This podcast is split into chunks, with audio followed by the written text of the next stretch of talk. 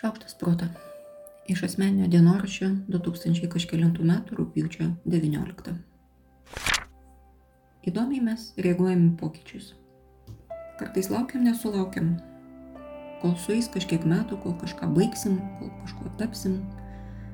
Tiesa, ne visada tai, ko laukiam, atneša lauktą rezultatą, jausmą ir virsmą. Kartais atneša malonių netikėtų arba netikėtų ir visai nemalonių dalykų. Šiaip ar taip, kad aiškiaregystės dovanos neturim ir tiksliai negalim numatyti pasiekmių, lyg ir išmokstam pakankamai anksti. Bet vis tiek nuoširdžiai bandome tai daryti, kurdami naujus ir dar naujesnius lūkesčius. Na kągi, atkaklumo mums kaip gyvybės rūšiai tikrai netrūksta. Tada bus kitaip, kartojam ir kartojam. Na, ir tikrai būna kitaip. Tik nebūtinai taip, kaip mūsų visai netvirtas gebėjimas nuspėti ateitį mums tvirtino. Kartais pokyčių vengiame. Gal net ne kartais, o labai dažnai. Atrodo, kad esame kažkur, kažkokioje labai minkštoje ir puotoje vietoje, kur yra tobula ir menkiausias krustelėjimas tą tobulybę sugriaus. Tik tas puotumas irgi yra mūsų smegenų patogumo pavydalas.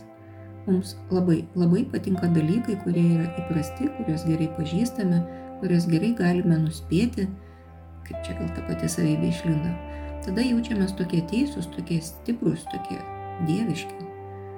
Ir tai mums patinka taip stipriai, kad vien dėl to galime atsisakyti naujo darbo, naujo gebėjimo, naujų santykių, naujų nuotykių, bet ko, ko vėl negalėsime nuspėti. Komforto zona yra pati pavojingiausia saulašarė. Blizga ir vilioja, o po to įklijuoja sparnus ir sugniaužia dantytą lapą visiems laikams. Na gerai, ne visiems bet kažkaip per daug istorijų apie alkoholikų negalinčius palikti partnerius, pasmartaujančius tėvus grįžtančių vaikų su viltimi, kad dabar bus viskas gerai, pensijos nikiam darbę sulaukiančių šviesaus proto žmonių ar 128 kartą kokią nors niekšybę atleidžiančių žmonių. Nuo tų dalykų, kurie nesikeičia, išgelbėti gali tik pokytis. Bet su kuogi pasitarti, vertinant, ar čia kas nors pasikeis ir būsiu visą gyvenimą dėkingas savo pačiai, kad išlaukiau, buvau pokyčio dalimi. Ar jau kelintus metus daužau galvą į sieną, nedrįsdama niekojos nago iškišti lauk iš komforto zonos. Ką jau čia vinioti į vatą, nėra su kuo pasitarti, net savo nuosavas vertinimas nėra ir negali būti tikslus. Nėra kito būdo, tik pabandyti ir pamatyti, koks rezultatas bus iš tiesų. Priimti ir galimą sėkmę, ir galimas klaidas. Pabandyti pasilikti arba pabandyti pakentėti. Pabandyti laimėti arba pabandyti suklysti. Aišku, galima tarti su patirtimi, daryti kiek įmanoma racionalesnės prielaidas, bet būna taip norisi užtikrintumo, kad patikim mintim, jog kažkas kitas turi tą visagalystės dovaną ir gali pasakyti mums teisingą ir tikslų atsakymą. Burėja, moralinė norma, tradicija, kunigas, kočeris, terapeutas, kas nors, pasakykit man tiksliai. Gal net norisi pagrumoti ir iš ko neveikti taip vadinamų specialistų, taip vadinamą kompetenciją ir negebėjimą atsakyti į šiaip jau neatsakomą klausimą. Ech, tas saulašarė. Kuo toliau, tuo labiau man patinka metafora apie gyvenimą kaip apie tiekmę. Nekontroliuojami dalykai vyksta, patirtis kaupėsi, kas iš pradžių atrodo kaip negailestingai talžantis rovė, tampa meistrišku čiuožimu bangos keterą, pasistiebus žvilgtelint toliau ir plačiau negu matosi susisukus į kamoliuko luoto dugne. Viskas visada bus visai, viskas visada keičiasi į visokias puses.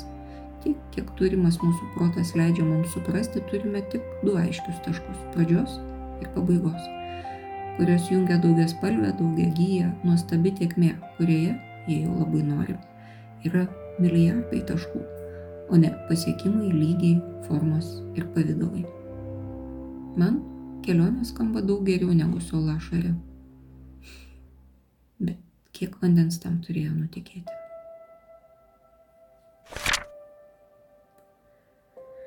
Aš Monika Kuzminskaitė, sveikatos ir mytybos psichologė, padedu spręsti kasdienius ir sudėtingus elgesio, mąstymo ir emocijų klausimus Rašau, skaitau paskaitas, teikiu psichologinės konsultacijas. Mane rasit socialiniuose tinkluose vardu Šaukštas Prota arba gyvai Vilniuje Goštauto gatvėje. Rašykit man asmeninę žinutę socialiniuose tinkluose arba elektroniniu paštu adresu šaukštas.proto atgmail.com. Taikos ir ramybės.